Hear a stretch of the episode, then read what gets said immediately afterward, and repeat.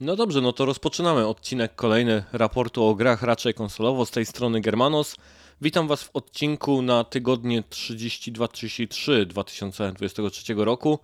A odcinek dosyć wyjątkowy, albowiem dzisiaj tylko i wyłącznie będę ja z Wami. Tak się złożyło, że ani Bartek, ani Norbert nie znaleźli e, jakiegokolwiek gdzieś tam czasu popołudniami czy tam wieczorami w weekend, żeby odcinek nagrać i wspólnie porozmawiać o newsach. Dlatego e, tylko jestem ja. E, będę się starał przedstawić każdy z newsów e, gdzieś tam z mojej perspektywy. Oczywiście nie będzie tutaj dyskusji, którą normalnie gdzieś w Froncikach mam, albowiem no, żona powiedziała, że byłoby dosyć dziwne, gdybym jednak prowadził dyskusję w tym odcinku. Dlatego będzie to tylko i wyłącznie takie moje przedstawienie opinii wobec tego wszystkiego, co się dzieje. Um, z tego powodu też to robię, ponieważ ja sobie przyjąłem za taki punkt honoru albo odpowiedzialności mojej wobec Was, każdego gdzieś ze słuchaczy, który się jednak e, zgodził albo który poświęca swój czas, tę tą godzinkę czy tam półtora na słuchanie nas, opowiadając o, o tym, co się dzieje w branży i e, zobowiązałem się do tego, żeby te odcinki pojawiały się co dwa tygodnie w poniedziałek i, i chcę tego e, dotrzymać i się tego trzymać e, właśnie ze względu na Was, każdego gdzieś tam słuchającego, dlatego, dlatego jestem, dlatego postanowiłem nawet sam gdzieś przed mikrofonem usiąść i odcinek um, nagrać. E, z drugiej strony też jak patrzę po newsach, które mam tutaj gdzieś przygotowane na dzisiejszy odcinek, to wygląda na to, że mamy jakiś taki dziwny sezon ogórkowy e, trochę w branży, albowiem nie dzieje się za dużo. Te newsy nie są, bym powiedział, jakoś specjalnie soczyste. E, nic takiego gorącego, palącego, co może by nawet i spodobało jakąś bardziej zażartą dyskusję gdzieś tam na, na odcinku. Um, dlatego może dobrze, że chłopaków nie ma i, i sam przedstawię tylko wszystko, co gdzieś tam ja wybrałem ciekawego.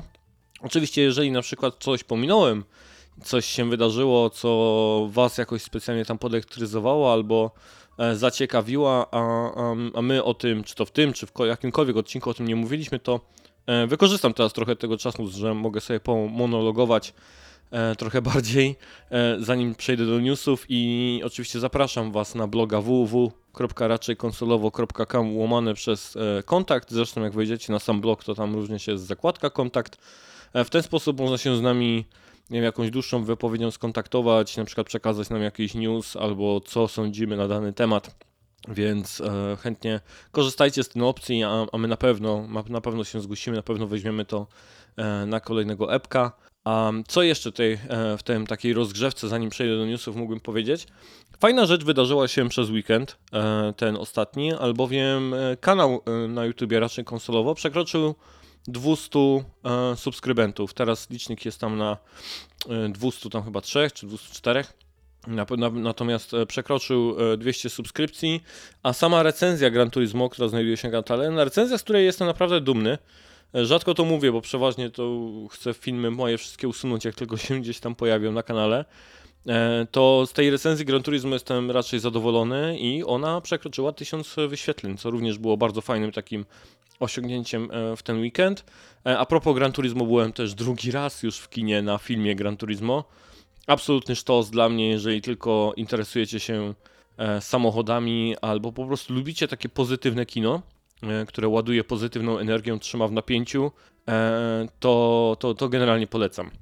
Taki mój barometr, jeżeli podobał Wam się Maverick, Top Gunowy, to oczywiście te Gran Turismo nie jest takiej klasy może filmem, ale ma podobny vibe. To znaczy wychodzi się z kina tak samo nabuzowanym taką dobrą energią właśnie jak z Top Guna, z Mavericka. Tak przynajmniej i, i dla mnie to oba filmy gdzieś tam tak na mnie działały, więc polecam. Co jeszcze tutaj mogę powiedzieć poza tym? Trosz, troszkę danych z tego, jak nam idzie, e, jeśli chodzi o raport. 38 e, osób nas śledzi gdzieś tam na Spotify, za co bardzo gdzieś tam dziękujemy. Ogólnie wszystkie odcinki wystukały już 1067 odsłuchań. E, średnio na odcinek jest 122 odtworzenia, tylko w ostatnich 7 dniach 27 nowych słuchaczy gdzieś tam pojawiło się. Były też interakcje, jeśli chodzi o, e, o ostatni odcinek.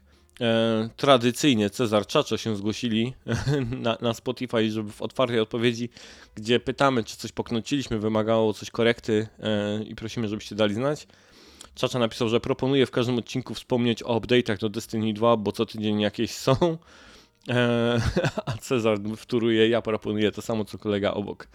No niestety, no żaden z nas nie jest tak zaznajomiony z Destiny, żeby ogarniać co tam się dzieje, a nie będziemy przecież czytać, którą broń znerfili, co podnieśli, albo jakim inny item będziemy teraz przez tydzień farmić, e, po to tylko, żeby się okazało, że broń, która nam wyleci e, z rola, tak naprawdę nadaje się do niczego i musimy znowu od początku to farmić, więc e, raczej nie zamierzamy tego rodzaju gdzieś tam update'ów wszystkich do Destiny zdradzać i, i, się nimi zajmować na każdym odcinku, ale doceniamy pomysł. Może w przyszłości gdzieś do rozważenia. A jak nam oceniacie ostatni odcinek? Dwie kupy tym razem, więc jednak e, średnia jednej kupy na odcinek została przekroczona, ale wciąż e, wszystkie pozostałe głosy e, oddane na trzy gwiazdki, czyli maksymalną gdzieś tam ocenę. Więc dzięki za tą naszą zabawę na Spotify. I jeszcze raz to powiem. Za to, że nas śledzicie na Spotify, za to, że e, nas słuchacie e, i podajecie gdzieś odcinek dalej, bo to się przydaje. Ja jestem bardzo dużym fanem i zawsze gdzieś to na to naciskam, na tą taką organiczną, jeśli chodzi o organiczną promocję tego, co robię od samego początku na raczej konsolowo i na blogu, i na kanale, i w podcastach. Um, nigdy nie lubiałem gdzieś tam nachalnie się promować i, i, i wciskać e, gdziekolwiek, tylko podcast e, jestem, jestem w stanie. Bardzo liczę na to, że osoby, którym się po prostu to, co robię ja i to, co robimy w ogóle my wszyscy, jako tam w ekipie razem z Anią, z Norbertem i z Bartkiem się komuś podoba, to po prostu e, przekazywać to dalej osobom, które również są zainteresowane tutaj w naszym, e, jeśli chodzi o raport, to po prostu newsami. Osobami, które lubią słuchać o tym, co dzieje się gdzieś w branży, e, może trochę gdzieś tam w ciekawszej dyskusji niż na przykład na PP. To, to polecam, to polecajcie nas dalej i dzięki, jeśli to już robicie, a wiem, że na pewno to gdzieś tam robicie. No dobrze, no to już trochę polałem tej wody, jeśli chodzi o to, co tam mogę powiedzieć, zanim przejdziemy do mięska, więc e, biorę łyka tutaj monsterka. Taki ASMR troszkę. Dobrze, i lecimy e, z odcinkiem. Pierwszy, e, pierwszy segment PlayStation Plus, ale więc aktualizacja oferty PlayStation, co tam się pojawia, co znika. I teraz tak, jeśli chodzi o pakiet PlayStation Plus Extra i Premium, to tak, Sea of Stars, e, które generalnie bardzo mnie się tam interesuje, jestem bardzo ciekawy jak wypadnie. No ale tak, dobra, przelecę wszystko, a potem może gdzieś tam poopowiadam o jakichś tam pojedynczych elementach. E, sea of Stars, Moving Out 2, Destiny The Witch Queen, Lost Judgment, Destroy All Humans 2 Reprobed, Two Point Hospital, Source of Madness, Cursed to Golf, Dreams, PJ Masks, Heroes of the Night, Hotel Transylvania, Lawn Moving Simulator, Spellforce 3 Reforged i Midnight Fight Express. Um, całkiem fajna lista. Bym powiedział, takie 3 czwarte z tego jest naprawdę gdzieś tam solidne. Um, sea of Stars, Moving Out, e, Super, Lost Judgment, Destroy All Humans, bardzo gdzieś tam ciekawe gdzieś propozycje. E, PJ Mask to dla dzieciaków i Hotel Transylwania. Tak zauważyłem, że Sony w tym Extra i w Premium co miesiąc stara się wrzucić coś dla najmłodszych jakiś tytuł taki do grania dla, dla dzieciaczków. E, czy była to Świnka Peppa, czy potem Psi Patrol, teraz jest e, PJ Mask, czyli Pijamersi na, na, po naszemu. Więc za każdym razem coś się takiego stara pokazać. PlayStation chyba wie, co robi, e, żeby też tą usługę gdzieś kierować w stronę tam rodziców i, i dzieciaki. Spellforce trójka też pamiętam, że to jest chyba jakiś Reforged, Reforced, to wygląda na jakiś remaster czy remake, pewnie remaster bardziej trzeciego Spellforce'a i Midnight Fight Express to również gra z polskim akcentem, którą warto się gdzieś tam zainteresować, jeżeli chociażby na przykład e, Hotline Miami was, e, e, was jarało.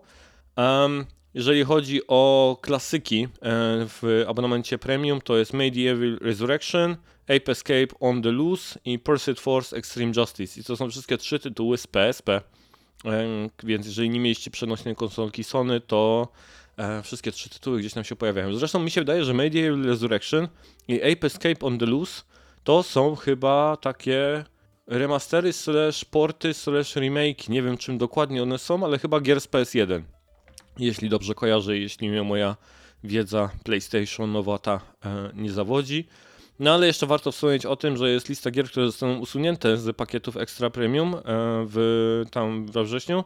To jest e, Deathloop, Death and Request 2, Chicory, A Colorful Tale, Nihawk 2, Through the Darkness of Time, Tom Clancy, Ghost Recon Wildlands i Watch Dogs 1 i 2. Więc jeżeli zamierzaliście któryś z tych tytułów sprawdzić na kiedyś tam, to a, a chcieliście to zrobić w abonamencie, to warto się pośpieszyć, bo, bo znikają. E, jeśli chodzi o Game Pass e, i Xboxa, to mamy tak, e, Sea of Stars, e, Sea of Stars e, 29 sierpnia, Gris 5 września, e, to tyle jeśli chodzi o te rzeczy, które się pojawiają. To są chyba, aha, ja sobie wylistowałem tylko rzeczy, o których jeszcze nie mówiliśmy, bo w ostatnim odcinku już mówiliśmy, jakie inne gry jeszcze w, e, w sierpniu się pojawiły. To są tylko jeszcze nowo ogłoszone.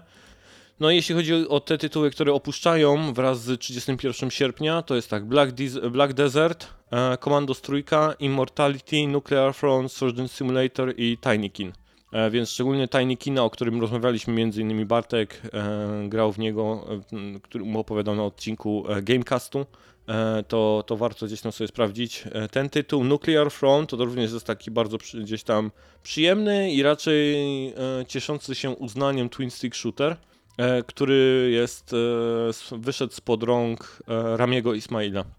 To jest taki tytuł, który gdzieś tam Ramiemu, z którym mam takie, powiedział, raczej średnie, jeśli chodzi o jego opinię i, i, i głos gdzieś tam w branży, akurat średnią ocenę z mojej strony, ale no trochę tych gier wypuścił i niektóre z nich nawet całkiem udane, jak na przykład Nuclear Front, więc można się też i tym zainteresować, e, zanim opuści.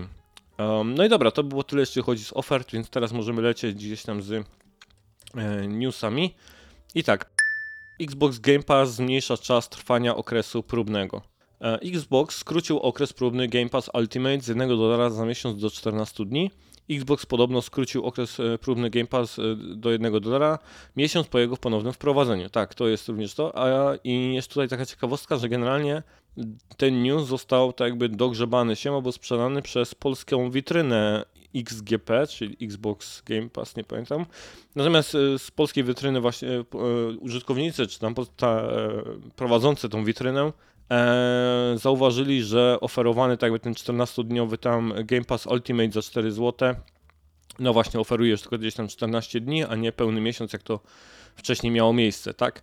E, więc e, no tak, e, dosyć ciekawa zagrywka muszę powiedzieć, właśnie pod kątem tego, że e, ten trial najpierw gdzieś tam zniknął i nie było tego okresu próbnego. Teraz znowu wrócił, ale został skrócony tylko do 14 dni, a nie już pełnego miesiąca, jak to miało wcześniej. Więc e, ja to i tylko i wyłącznie w ten sposób można rozumieć, jak to, że no jednak Microsoft chce zarobić trochę więcej na tym Game Passie. Zresztą wszystkie subskrypcje gdzieś tam na razie lecą w górę. E, I tylko z lewej i z prawej tak naprawdę ze Stanów Zjednoczonych chyba najwięcej tego słychać, że tam te Hulu, Peacocki i wszystkie inne e, pro- te subskrypcje lecą w górę, jeśli chodzi o ceny. No będzie to tylko i wyłącznie leciało gdzieś tam w górę.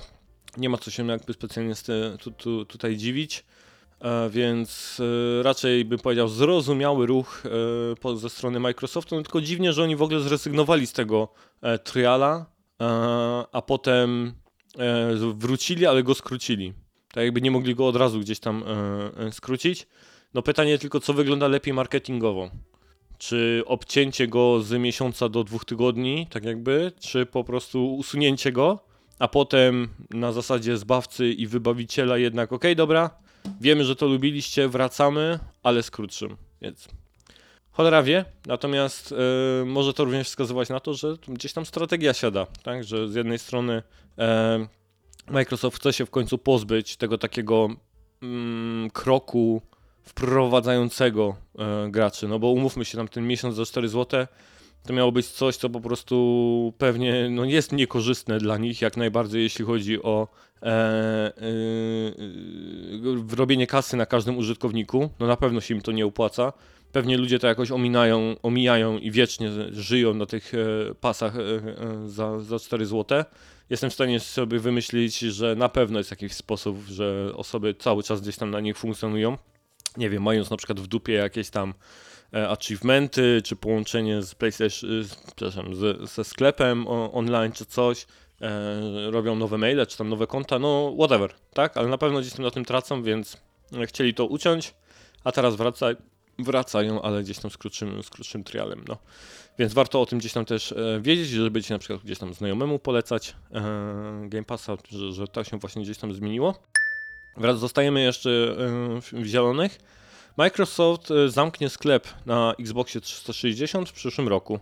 Microsoft ogłosił, po, że po 29 lipca 2024 nie będzie już można kupować żadnych gier ani DLC ze sklepu Xbox 360. Oznacza to w szczególności, że gracze nie będą mogli kupować zawartości bezpośrednio przez konsolę Xbox 360 ani w witrynie Xbox 360 Marketplace.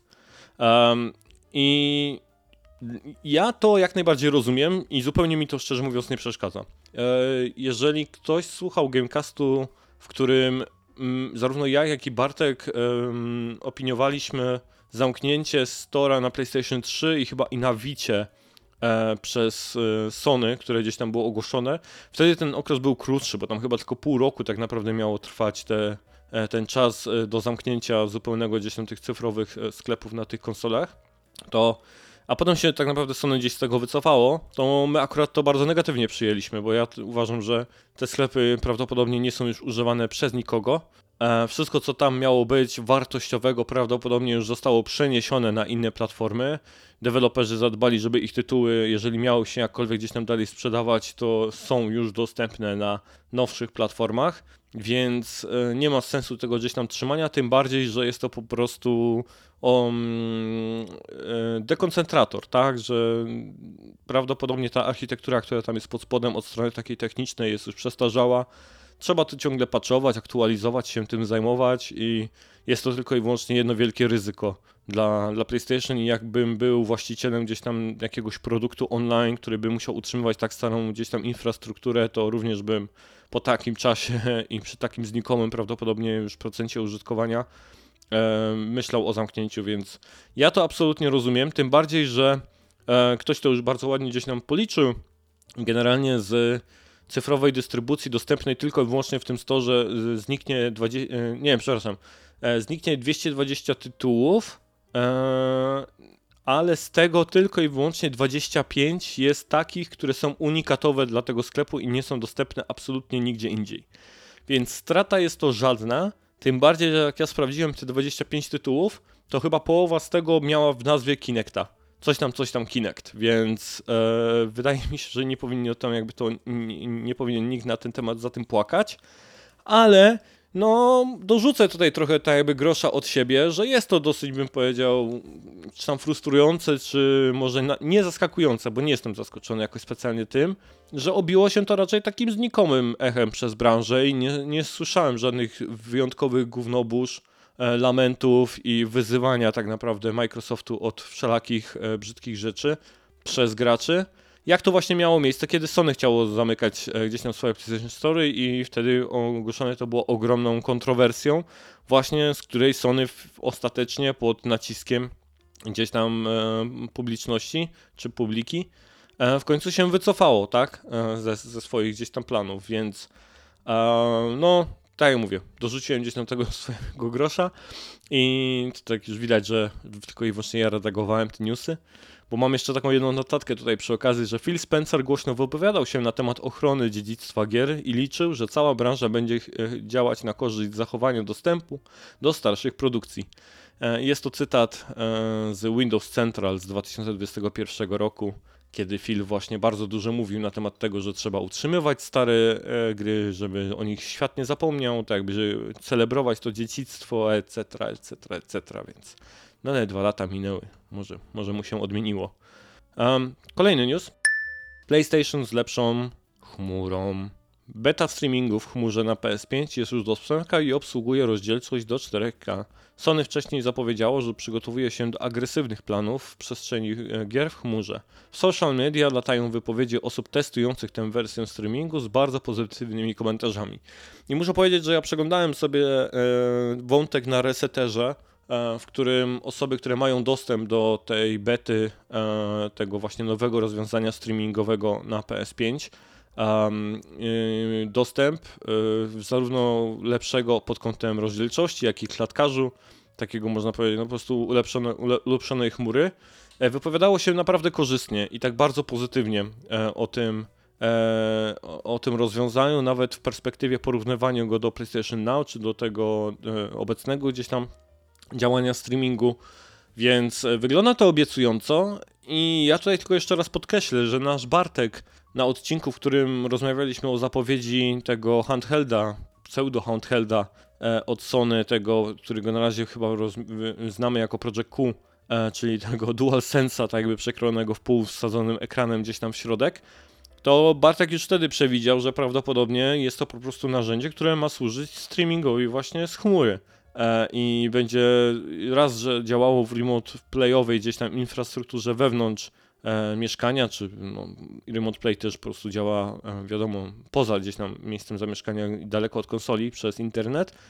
E, no ale poza powiedzmy gdzieś tam tym e, systemem remote play, tylko w zwykłej chmurze i dostępnej e, grania gdzieś tam z, z clouda. No więc e, to wygląda na kolejny krok w tą stronę, tak? Że ja bym się nawet bardzo nie zdziwił, że kiedy tak jakby ten, ten, ten nowe rozwiązanie streamingowe wyjdzie z bety, e, będzie to skorelowane gdzieś tam z tą premierą tego Pro, Project Q, tak? Czyli te, tego handhelda. Naprawdę bym się nie zdziwił, gdyby to gdzieś tam było e, blisko, blisko siebie albo zaraz jedno, jedno po drugim, więc... E, no tak, Bartuś to już przewitał, a wszystkie znaki na ciebie według mnie wskazują na to, że właśnie w ten sposób gdzieś to tam będzie e, wyglądało. Kolejny news.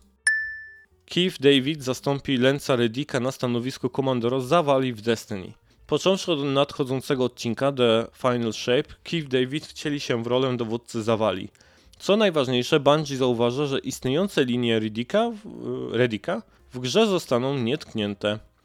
Muszę powiedzieć, że to jest. Znaczy tak, po pierwsze cieszę się, e, chociaż już w Destiny nie gram, tak, to i tak dalej, to nie ukrywam, że ta gra jest mi bliska i spędziłem w niej naprawdę masę godzin i interesuję się wszystkim, co się tam dzieje i co się dzieje z postaciami.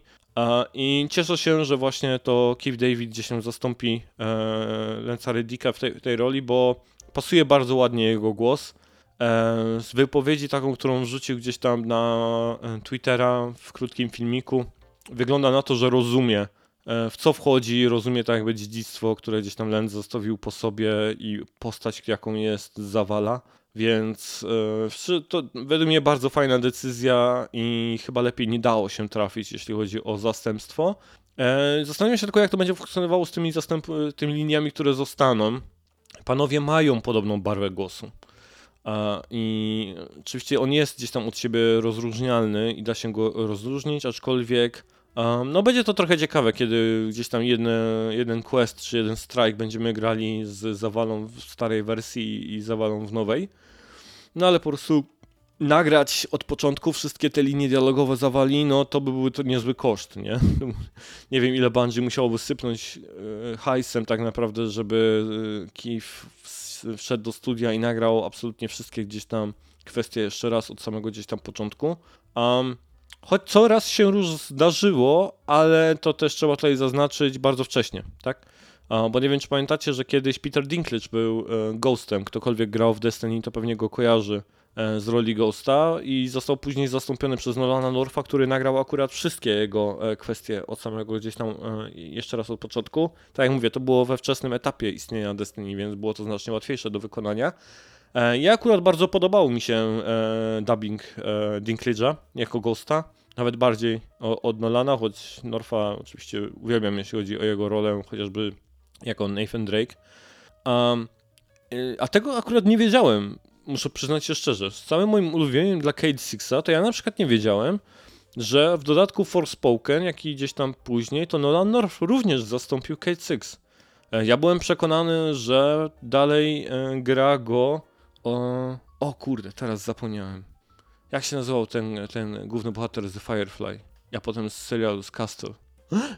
No patrzcie, dobra, nie przypomnę sobie. Teraz Cezar i Czacza krzyczą po prostu gdzieś tam w eter, słuchając tego odcinka pewnie, a ja nie potrafię sobie e, sobie, sobie, sobie przypomnieć.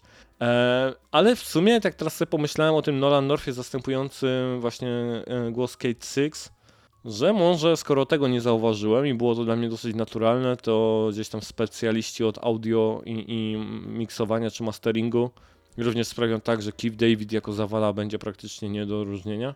No, może coś w tym jest, więc e, fajne. Najważniejsza informacja jest to, że znaleźli fajną osobę na fajne miejsce, więc wydaje mi się, że powinno to wszystko pójść w dobrym kierunku, jeśli chodzi o zastępstwo za niestety nie będącego już z nami Lensa Redika. Patentowe szaleństwo po nowej Zeldzie. To jest kolejny gdzieś tam news. Firma opatentowała ekran, yy, i teraz tak, yy, bo tu już o samych patentach będę mówił, ale to zostało wykryte chyba przez Eurogamera, czy nie pamiętam jak się nazywała ta strona, która gdzieś tam to, yy, to jakby zauważyła to wszystko, co się tam gdzieś dzieje, natomiast po premierze Zelda Nintendo tak jakby ogłosiło albo dobiło formalności, jeśli chodzi o naprawdę ogrom patentów. Tam tych patentów było set ileś. E, które, które firma wystosowała, żeby gdzieś tam zatrzymać pewną własność intelektualną, jeśli chodzi o to, jak Zelda działa i jak działają mechaniki, jak są zbudowane e, w Tears of the Kingdom. Um, jeżeli będziecie śledzić bloga, to w najbliższym wygrzebanym z sieci, które pojawi się gdzieś tam na początku września, powinien się pojawić tam bardzo fajny, obszerny materiał na temat tego właśnie, dlaczego Nintendo jest tak bardzo skrupulatne, jeśli chodzi o to bronienie swojej własności intelektualnej, jak i nawet bardziej bronienie swoich trademarków e, i wizerunku e, e, niż, niż samych gdzieś tam patentów. Bardzo ciekawy gdzieś tam materiał trwający chyba pół godziny, który nawet wraca do King Konga i studia filmowego Universal i jak szkoda psychiczna, jaka wywa została wywarta na zarządzie Nintendo w tamtym sporze o, wiadomo, Donkey Konga i o, o King Konga, e, spowodowała, że to pokłosie tych, e, tego rozprawy sądowej i wszystkiego, co się tam działo, dzisiaj jeszcze dalej funkcjonuje w zarządach Nintendo wśród e, osób gdzieś tam rządzących firmą, więc to jest bardzo ciekawy materiał, z którego się wiele dowiedziałem, tak jakby jeszcze bardziej zrozumiałem, e, dlaczego Nintendo tak bardzo się gdzieś tam broni. No ale wracając do newsa i co tutaj jakby zostało gdzieś tam opatentowane. E, firma opatentowała ekran ładowania gry. No tak, firma opatentowała ekran ładowania gry, słuchajcie. W Tears of the Kingdom podczas szybkiej podróży między obszarami gra pokaże graczowi, gdzie aktualnie się znajduje na mapie, a następnie przeniesie się do nowej lokalizacji po zakończeniu ładowania. I to zostało opatentowane. No muszę powiedzieć, że ciekawe. Ciekawe, że akurat to. Inny przykład. Przy, przykład. E, w zgłoszeniu patentu znajduje się również patent dotyczący niezdolności gracza do złapania przedmiotu, na którym już stoi.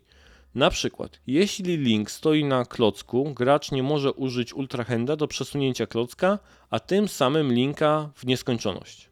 Tak, czyli żeby na przykład z klocka nie robić tam perpetuum mobile i nieskończonego e, nieskończonego mm, środka lokomocji, tak? Że wiecznie go za niego chwyci i za niego będzie ciągnął, stojąc na nim i stanie się wtedy motorem gdzieś tam dla, e, dla Linka, co jest ciekawe. E, Nintendo było również w stanie opatentować proces polegający na staniu linka na poruszającym się obiekcie, a następnie kontynuowaniu ruchu w kierunku tego poruszającego się obiektu. I to są wszystko cytaty z dokumentów, e, które gdzieś tam zostały opatentowane, więc ja bym chciał, żeby, albo może zajmie się tym Hawk, którego gdzieś tam sobie bardzo cenię, jeżeli chodzi o właśnie tego rodzaju e, rozkminy i wytłumaczenie, co dokładnie zostało opatentowane i jak to w ten sposób funkcjonuje. Ponieważ ja sobie pamiętam tego rodzaju szkodliwe patenty, jak chociażby ten, który wydaje mi się to było Bandai Namco e, opatentowało z uwagi na któreś bijatyki z Dragon Balla. Nawet nie wiem, czy to nie był Budokai Tenkaichi któryś, może pierwszy, może któryś z nich, e, gdzie Bandai Namco opatentowało e, grywalne minigry w trakcie ekranów ładowania, albo zamiast ekranów ładowania, czy po prostu podczas tego, jak gracz czekał na e, załadowanie się gry, to mógł sobie gdzieś tam jakąś minigrę pogrywać. I to zostało zupełnie gdzieś tam opatentowane przez firmę z Japonii i nikt nie mógł tego użyć, a no wiadomo, w dzisiejszych czasach, kiedy tak naprawdę tych ekranów ładowania raczej nie ma niż, niż są, to nie jest to może już jakkolwiek temat do dyskusji, ale myślę sobie, że dużo firm chciałoby akurat to może gdzieś tam wykorzystać w swoich grach, ale nie mogło właśnie ze względu na, na ten patent. Więc e, te mechaniki, które chociażby te trzy, które tutaj wypowiedziałem, brzmią bardzo gdzieś tak, tak ogólnie. I znaczy moje ogólne takie nastawienie do patentowania tego rodzaju bardzo ogólnych rzeczy jest e, mocno negatywne.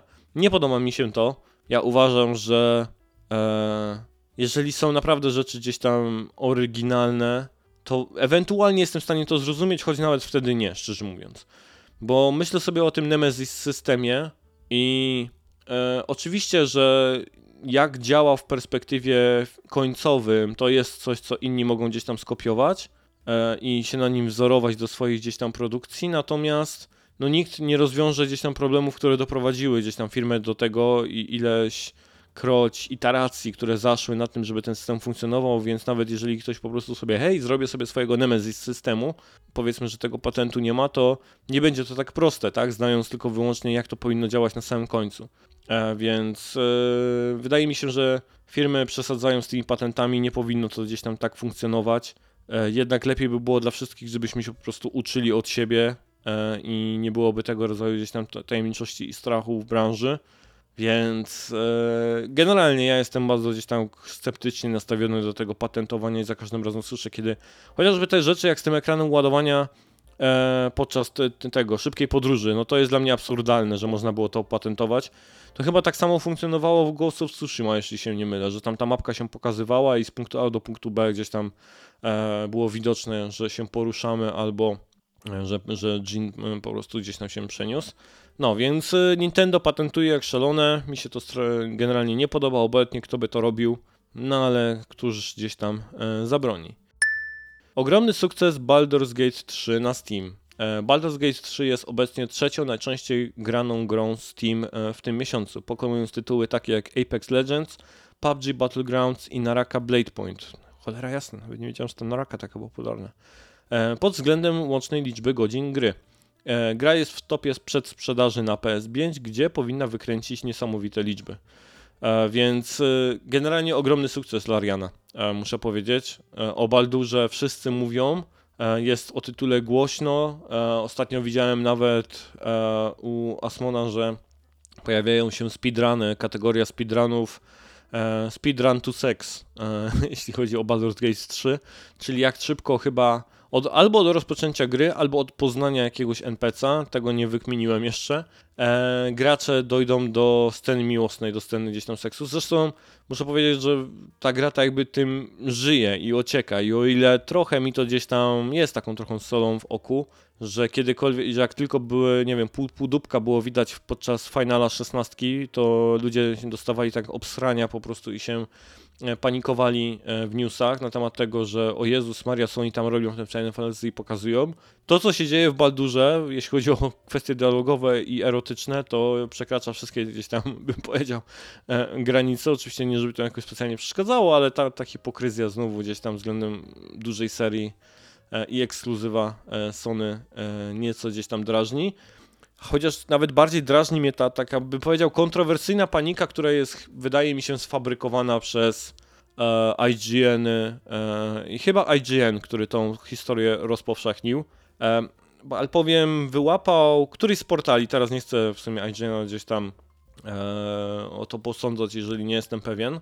E, pojawiła się taka kontrowersja, że jakby deweloperzy AAA boją się Baldura e, i, i tak naprawdę są w panice po tym, co e, pokazało gdzieś tam Larian w Baldur's Gate 3, że ten rodzaj skomplikowania zarówno fabularnego, jak i właśnie tego wątkowego możliwości rozwiązań, wszelkich questów od wiadomo brutalnych, siłowych po negocjacje etc., etc., że no, że trzęsą po prostu e, gadkami, a to tylko i wyłącznie z tego powodu, że e, oczywiście gracze rzucili się na, na któryś deweloperów e, po Baldurze, ej, dlaczego wy nie potraficie w, tej, w swoich jebutnych studiach AAA robić tego rodzaju skomplikowanych tytułów jak, jak Larian.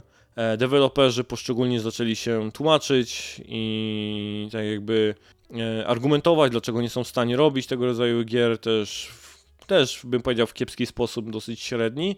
No i zrobiła się tak jakby taka ogólno, nie wiem, ogólnobranżowa panika wokół, wokół tego.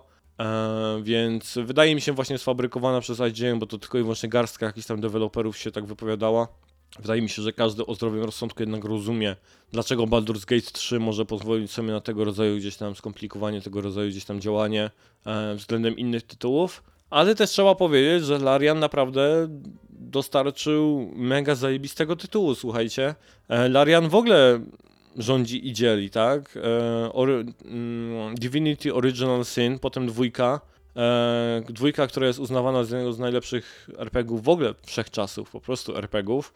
A, a, a Baldur's Gate 3 kolejne gdzieś tam bije rekordy i no jestem bardzo ciekaw, jaką się pojawi na PS5, e, jaka będzie gdzieś tego sprzedaż, ale wygląda na to, że również możesz zarządzić. No i szkoda, że on dalej na tym Xboxie się nie pojawia.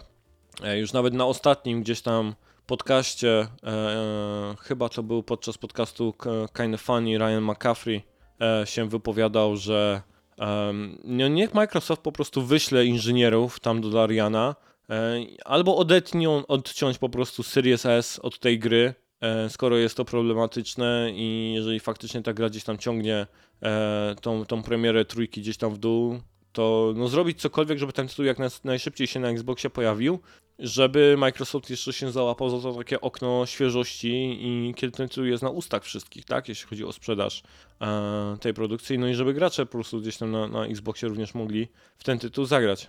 A wiadomo, że gracze na Xboxie, no to jest jednak taki większy odsetek pewnie ludzi, którzy kiedyś grało na PC-tach albo wciąż gra na PC-tach. E, co ja tutaj jeszcze mam? Fanowski Bionicle trafiał na Steam. E, to, to jest taki ciekawostka news z mojej perspektywy.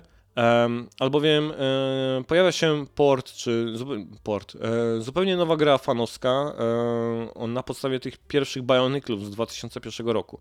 Gra będzie darmowa, podobna jak większość gier fanowskich i będzie miała wersję demonstracyjną na początku 2024 roku. Bionicle Masks of Power nie ma jeszcze daty premiery, ale będzie dostępny na PC z systemem Windows. I tutaj sami deweloperzy o tytule zbudowane od podstaw na silniku Unreal Engine 5, Mata Nui i jego mieszkańcy zostali całkowicie przeprojektowani na współczesne czasy. Odwiedź ponownie ukochane miejsca i postacie, ciesz się emocjonującą rozgrywką w otwartym świecie i ponownie zatrać się we wszechświecie Bionicles 2001 roku. Um, ja Bionicle niegdyś uwielbiałem. Um, kiedy one się pojawiły, nie wiem jak ktokolwiek może kojarzyć Bionicle w tych takich pudełkach, takie, je się kupowało te roboty w takich e, jakby trochę jakby lunchboxach, e, takich e, prostokątnych pudełkach. Pamiętam, że kiedy one się na rynku gdzieś tam u nas pojawiły, to w szkole każdy chłopak miał na biurku stojącego gdzieś tam swojego Bionika, przynajmniej tak u mnie gdzieś tam w klasie było. Może nie każdy, bo one trochę jednak gdzieś tam kosztowały, więc yy, nie każdy. Ja też swojego kupiłem trochę później niż, niż inni w klasie, ale miałem swojego Bionicla i miałem, mój był chyba ten lodowy, wydaje mi się, taki biało, biało, biało-niebieski wydaje mi się był mój, e, a potem miałem jeszcze drugiego, który był takim ala samochodem e, i on był taki czarno, czar, czarno, czarno-zielony chyba. E, więc, e, no, więc chciałem tylko to tak jakby pokazać, że fajnie, że tego rodzaju gdzieś tam sprawy się pokazują. E, że, że Nintendo, że, przepraszam, nie Nintendo, od razu jeżeli chodzi o zablokowanie deweloperów przed fanowską produkcją, to od razu pomyślałem, że Nintendo, ale tutaj akurat chodzi mi o Lego. E, I fajnie, że Lego tak jakby tego tematu zupełnie gdzieś tam nie zabiło i nie ukróciło tak jakby deweloperom chęci do pracy. E, I że ta gra faktycznie ma szansę pojawić się na, na Steam i być dostępna dla wszystkich darmowo jako gra fanowska. No i są ludzie, którzy tego rodzaju rzeczy chcą robić, więc E, dzisiaj na przykład widziałem też y, takiego szybkiego newsa, jak to w niedzielę bywa, że pojawiła się gra, która jest fanowską adaptacją miasteczka Twin Peaks na Steam. E, I gra jest zbudowana w takim stylu graficznym, e, stylizowana na grę, na survival horror z PS1. Więc Resident, Silent Hill, Parasite Eve, tego rodzaju gdzieś tam E, klimat wizualny mm, jest spodziewany, więc e, no właśnie, fajnie, że te fanowskie produkcje się pojawiają i to właściwie dlatego wrzuciłem też tego newsa tutaj do raportu. E, no a może ktoś, jeżeli czuje nostalgię do Bioniclów, to, to może też go to zainteresuje. Ostatnie gdzieś tam 5 punktów, które mam na dzisiejszy odcinek. To jest news, który generalnie miał się pojawić już w ostatnim odcinku i nie wiem czemu o nim zapomnieliśmy. W ogóle przeleciał mi gdzieś tam przez palce i nie powiedzieliśmy o nim albowiem dobre i złe wieści dla miłośników soundtracków z japońskich gier. E, fani mogą posłuchać ścieżek dźwiękowych do takiej serii jak Tekken, Dark Souls i Soul Calibur, e, na kanale e, YouTube, który został otworzony przez Bandai Namco. Jakiś czas temu pojawił się kanał Square Enix Music, na którym Square Enix wrzuca soundtracki i nowe aranżacje gdzieś tam znanych tytułów z gier na YouTubecu. No a teraz Bandai Namco robi to samo i będzie można tam trochę OST sobie słuchać po prostu gdzieś tam na ich oficjalnym kanale z soundtrackami. E, Ale ta zła wiadomość akurat właśnie, e, bo to była dobra, a teraz zła wiadomość. E, Główny kompozytor From Software, a więc pani Yuka Kitamura, odchodzi z firmy po 12 latach współpracy i zostaje kontraktorem, tak? Czyli będzie teraz po prostu pracowała na zasadach work for hire, nie będzie związana tylko i wyłącznie z From Software, więc jest taka nadzieja, tak? Bo jeżeli ktoś grał w gry e, From Software, no to e, z ostatnich gdzieś tam 12 lat, no to pewnie kojarzy jej muzykę, e, która jest absol- absolutnie gdzieś tam fundamentalna, jeśli chodzi szczególnie o serię Dark Souls. Em, muzyka w Dark Souls jest przeważnie takim elementem referencyjnym. Ja pamiętam, że kiedy gdzieś tam pracowaliśmy nad grą w Carbonie, to e, kiedy szukaliśmy w głowie, w jaki sposób powinna muzyka brzmieć przy tym, tej scenie, przy tym starciu, czy w tej lokalizacji, to momentalnie mieliśmy po prostu inspirację i jako takich refekt, czyli czymś, na czym powinien się kompozytor wzorować, to przeważnie latały gdzieś tam e, pojedyncze utwory z którychś Soulsów. Więc e, soundtrack na pewno, który e, mimo tego, że osobno go nie słuchałem jakoś tam namiętnie, to na pewno w samej grze odgrywa ogromną rolę e, we wszystkich grach gdzieś tam From Software. No więc tak jak mówię, no pani odchodzi gdzieś tam z ekipy, jest nadzieja, że będzie dalej pracowała ze studiem w formie kontraktów, no ale zobaczymy jak to gdzieś tam będzie wyglądało, no też zmiany czasem są potrzebne. Co mamy jeszcze tutaj? A, to ciekawostka w sumie taka. Evo zbyt gorące dla portów USB w PS5. To chodzi o Evo, jeśli chodzi oczywiście o ten e, turniej e, fightingowy, więc bijatek.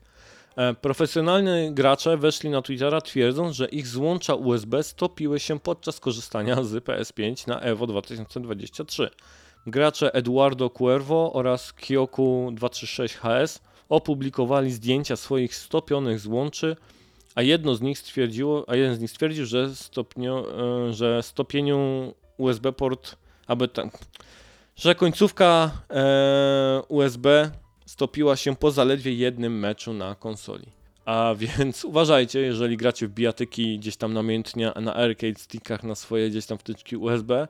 E, Nie wiem jak bardzo podchodzić poważnie do tego tematu, no bo ponieważ też e, wiemy, że jeśli chodzi o te konsole i co się dzieje na turniejach, ja to widziałem na tych nawet mniejszych gdzieś tam jakichś turniejach organizowanych często przez PS Stream czy przez jakieś tam inne gazety lokalne, to widziałem po prostu jak e, co, co seria, co zmiana graczy przed konsolą po prostu wypinane i wpinane są cały czas gdzieś tam te, te, te pady, pamiętam wtedy jeszcze były w te konsole. Kiedyś rozmawiałem z którymś gdzieś tam z naczelnych, to mówił, że no te konsole to generalnie potem to już są takie, które gdzieś tam w studiu y, czy w redakcji leżą i są brane właśnie na takiego rodzaju gdzieś tam zloty, bo, bo są tak wyjechane e, te porty. Wtedy to były jeszcze porty po prostu na, na pady całe, nie? DualShocki gdzieś tam ze swoimi DualShockami się je- jeździło. Albo pamiętam jeździło się ze swoją kartą pamięci i swoim ustawieniem drużyny w PS-ie. E, Jeżeli były turnieje Pro Evo Soccer, to miało się po prostu swoją formację i taktykę na karcie pamięci i się mm, ładowało ją przed meczem, żeby wszystkiego gdzieś tam nie ustawiać, więc e, no właśnie. I te, te, te porty też tam były wyjechane. No tutaj wygląda na to, że te USB się gdzieś tam paliło od te, tego wkładania, wykładania, e, więc no uważajcie po prostu na swoje złącza USB, jeśli chodzi o ciągłe ich wkładanie, wykładanie. Pro tip, em, kupiłem sobie niedawno e, z firmy Besus, jest taka firma na, UE, na Allegro z różnego rodzaju kablami USB, e, hubami USB i tak dalej. Bardzo fajny hub 3.0 e, do konsoli, jeżeli ktoś będzie chciał, to niech się odezwie to będę e, mogę podrzucić nawet model, e, który sobie kupiłem. I tak, mam go wpiętego w USB-C z przodu konsoli i on ma cztery porty zwykłe USB i jeden jeszcze USB-C i e, dzięki temu na tym, na jednym hubie działa mi wszystko, bo jak, jak robię sobie e, streama, jak robiłem ze Spelanki, to do tego huba, który działał na tym jednym USB-C z przodu konsoli, podłączyłem e, lampę e, LED Ringa, miałem kamerę HD podłączoną, mikrofon USB tego Novoxa NC1 e, i, i to chyba tyle. I miał, aha, i jeszcze słuchawki e, tego dongla miałem USB podłączonego. Miałem cztery e, te e, urządzenia podpięte do tego e, USB-ka i wszystko funkcjonowało. Byłem w szoku, bo myślałem, że będę musiał coś wypinać z tyłu, bo ja też mam mojego PSVR-a podłączonego e, do konsoli na stałe, więc muszę mieć i starą e, kamerkę podłączoną i muszę mieć gdzieś tam jeszcze zasilanie do tego, do, do skrzynki do VR-a starego, też wpięte z, z tyłu piątki, więc bałem się, że po prostu mi zabraknie tych portów, ale ten, ten hub akurat dał radę, więc to taka jeszcze polecajka przy okazji tego newsa. Ostatni taki już z większy, może nie większy news, ale taki typowy news, zanim przejdziemy gdzieś tam do spraw finansowych. Ogry skazują autora książek z serii Metro. E, autor Metro skazany na 8 lat więzienia za wypowiadanie się przeciwko rosyjskiej inwazji. E, jednak autor nie przebywa obecnie w Rosji. No, to muszę powiedzieć tutaj, że e, bardziej mnie zachęciło to jeszcze do sprawdzenia gier Metro i do, o, do, do, do książek bo chodzi oczywiście o Dimitrija Gluchowskiego, e, który się wypowiadał negatywnie na temat inwazji i tego, co Rosja robi, więc dla niego wielkie propsy i oklaski, a dla skazującego Rosji serdeczny środkowy palec. To tyle by było, jeśli chodzi o, o newsy. I teraz ostatni segment, a więc gry i pieniądze. Money, money, money. Seria Metal Gear Solid przekroczyła 60 milionów sprzedanych kopii. E, to jest najnowsze gdzieś tam ogłoszenie, którym pochwaliło się Konami, a więc 60 milionów sprzedanych gdzieś tam egzemplarzy w całej serii, bardzo fajny wynik. I co jeszcze tutaj? Aha, e, właśnie. Final Fantasy XVI i oczekiwania Square Enix. Blumberg poinformował dziś o, o oświadczeniu prezesa Square Enix Takeshiego Kirur na temat sprzedaży Final Fantasy XVI, ale wśród fanów rozpowszechniona się całkowicie błędna interpretacja.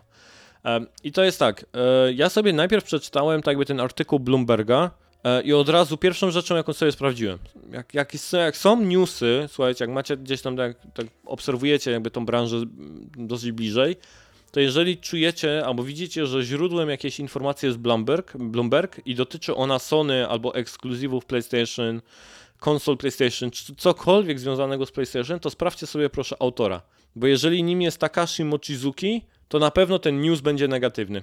E, gościu już od lat e, prowadzi taką kampanię po prostu y, przeciwko gdzieś tam PlayStation i tylko i wyłącznie gdzieś tam e, zajmuje się newsami, które albo nagłaśniają jakieś słabsze wyniki playa, albo właśnie i nadinterpretują E, i różnego rodzaju wydarzenia po to, żeby właśnie okazało się, że jednak nie jest tak dobrze, jakby mogło być gdzieś tam, jeśli chodzi o playkę.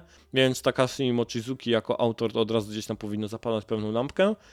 Ale ja sobie przeczytałem ten news Bloomberga, a potem przeczytałem sobie na portalu TechRaptor e, właśnie taki dosyć obfity news, który właśnie tłumaczył, jak e, fatalnie zostało gdzieś to tam jakby zinterpretowane, albo po prostu jak e, może nawet nie fatalnie, ale po prostu jak nadinterpretował to Takeshi Mochizuka, a tym bardziej gracze po prostu gdzieś tam w sieci i w social mediach.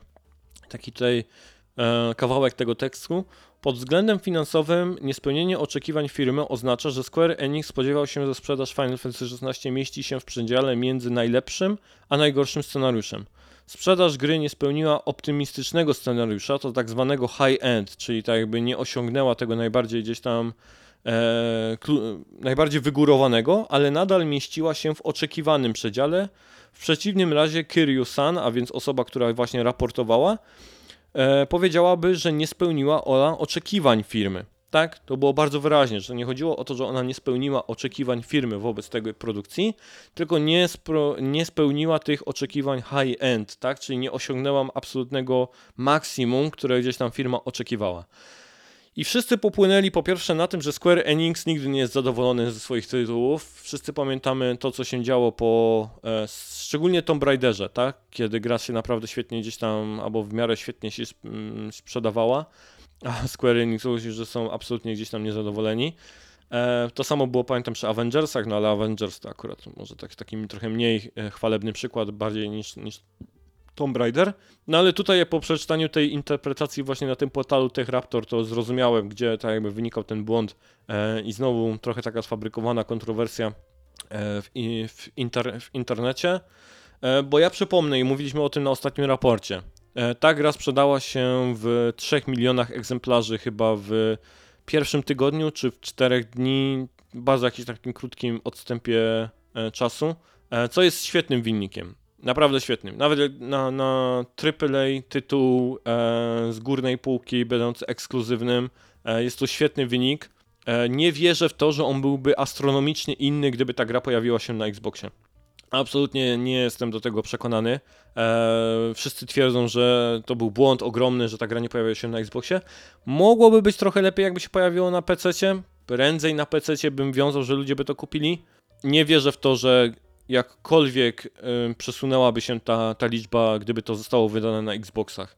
Jeżeli sobie poobserwujecie ostatnie sprzedaży pudełkowe tytułów, pudełkowe i cyfrowe tytułów właśnie e, Xbox PlayStation, to przeważnie to jest około 75-85% sprzedanych egzemplarzy jest na Playce, a, a reszta jest tam gdzieś tam na Xboxie, więc tym bardziej tutaj, gdzie gracze na Xboxie po prostu nie wspierają gier japońskich, sorry, ale też już o tym już nieraz mówiłem, że jeśli chodzi o jakieś top 20, top 50 e, gier ogrywanych e, w Game Passie, to nawet jeżeli trafia tam Nino Kuni, które za darmo trafią, za darmo oczywiście w cudzysłowie, e, do Game Passa, nie trafia na top 20 ogrywanych gier, to sorry, ale po prostu te japońskie gry tam nie są e, przez, tych, przez tych graczy wspierane, więc nie wierzę w to, że ta liczba byłaby znacząco lepsza, tak, że osiągnęłaby, nie wiem, 4 miliony, że, że milion egzemplarzy by się sprzedał E, na, na, na samym Xboxie, trudno mi w to uwierzyć.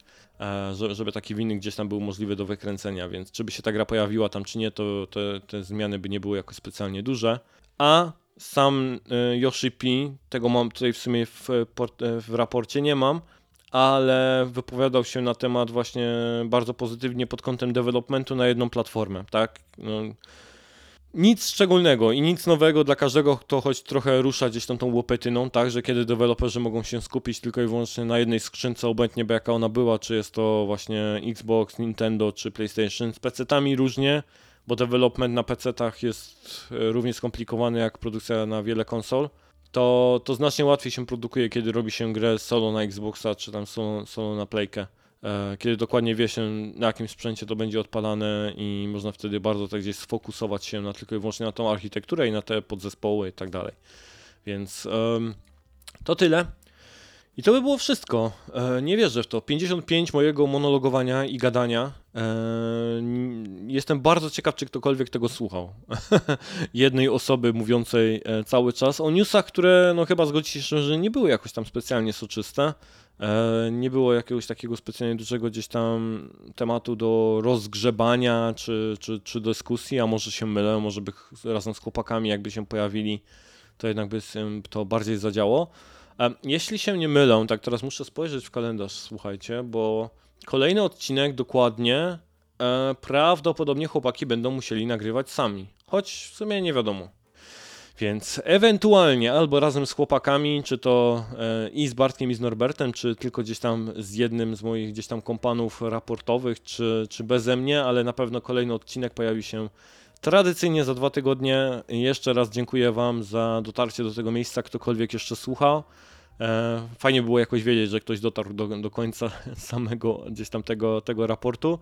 E, jeżeli byście chcieli się z nami skontaktować, to tak jak już powiedziałem, formularz kontaktowy na blogu e, www.raczejkonsolowo.com, tam wszystko znajdziecie. Złapać mnie na, chciałem mówić Twitterze, ale muszę się przyzwyczaić, że chodzi o Xa. Na Xie e, pod nickiem germanos.pl, również taki sam nick germanos.pl na PSN-ie. Spokojnie do mnie piszcie, dodawajcie gdzieś tam do znajomych, możecie podejrzeć wszystkie możliwe pucharki i tak dalej. Ja jestem zdania, że jeżeli ktoś nie ma nic do ukrycia, to powinien gdzieś tam swoje pucharki pokazywać, żeby było wiadomo z kim się rozmawia, czy faktycznie osoba jest tylko narzekającą osobą na cenę portu Red Dead Redemption, czy na osobę, która po prostu chce w niego zagrać i tak dalej, więc e, no to by było chyba tyle e, o ten raport. Przeciągam niepotrzebnie już potwornie ciepło, gardło już zmęczone godzinnym materiałem, więc mam nadzieję, że tak czy siak Wam się to podobało i że w ten odcinek pojedynkę e, jakoś specjalnie wam nie doskwierał, więc zobaczymy jak to będzie w odsłuchaniach. Dobra, trzymajcie się i do następnego słyszymy się za dwa tygodnie. Pa, pa. Raport o grach to podcast w ramach bloga Raczej Konsolowo www.raczejkonsolowo.com. Znajdziecie tam linki do drugiego podcastu Raczej Konsolowo Gamecastu oraz do kanału YouTube. Na samym blogu natomiast wpisy poświęcone grom wideo. Jeśli podobało Wam się to, co usłyszeliście tutaj, prosimy Was o recenzję i pozostawieniu dobrych ocen w serwisach podcastowych, co pomoże nam dotrzeć do większej grupy słuchaczy. Za wszystkie oddane głosy i recenzje serdecznie dziękujemy. Do następnego odcinka za dwa tygodnie.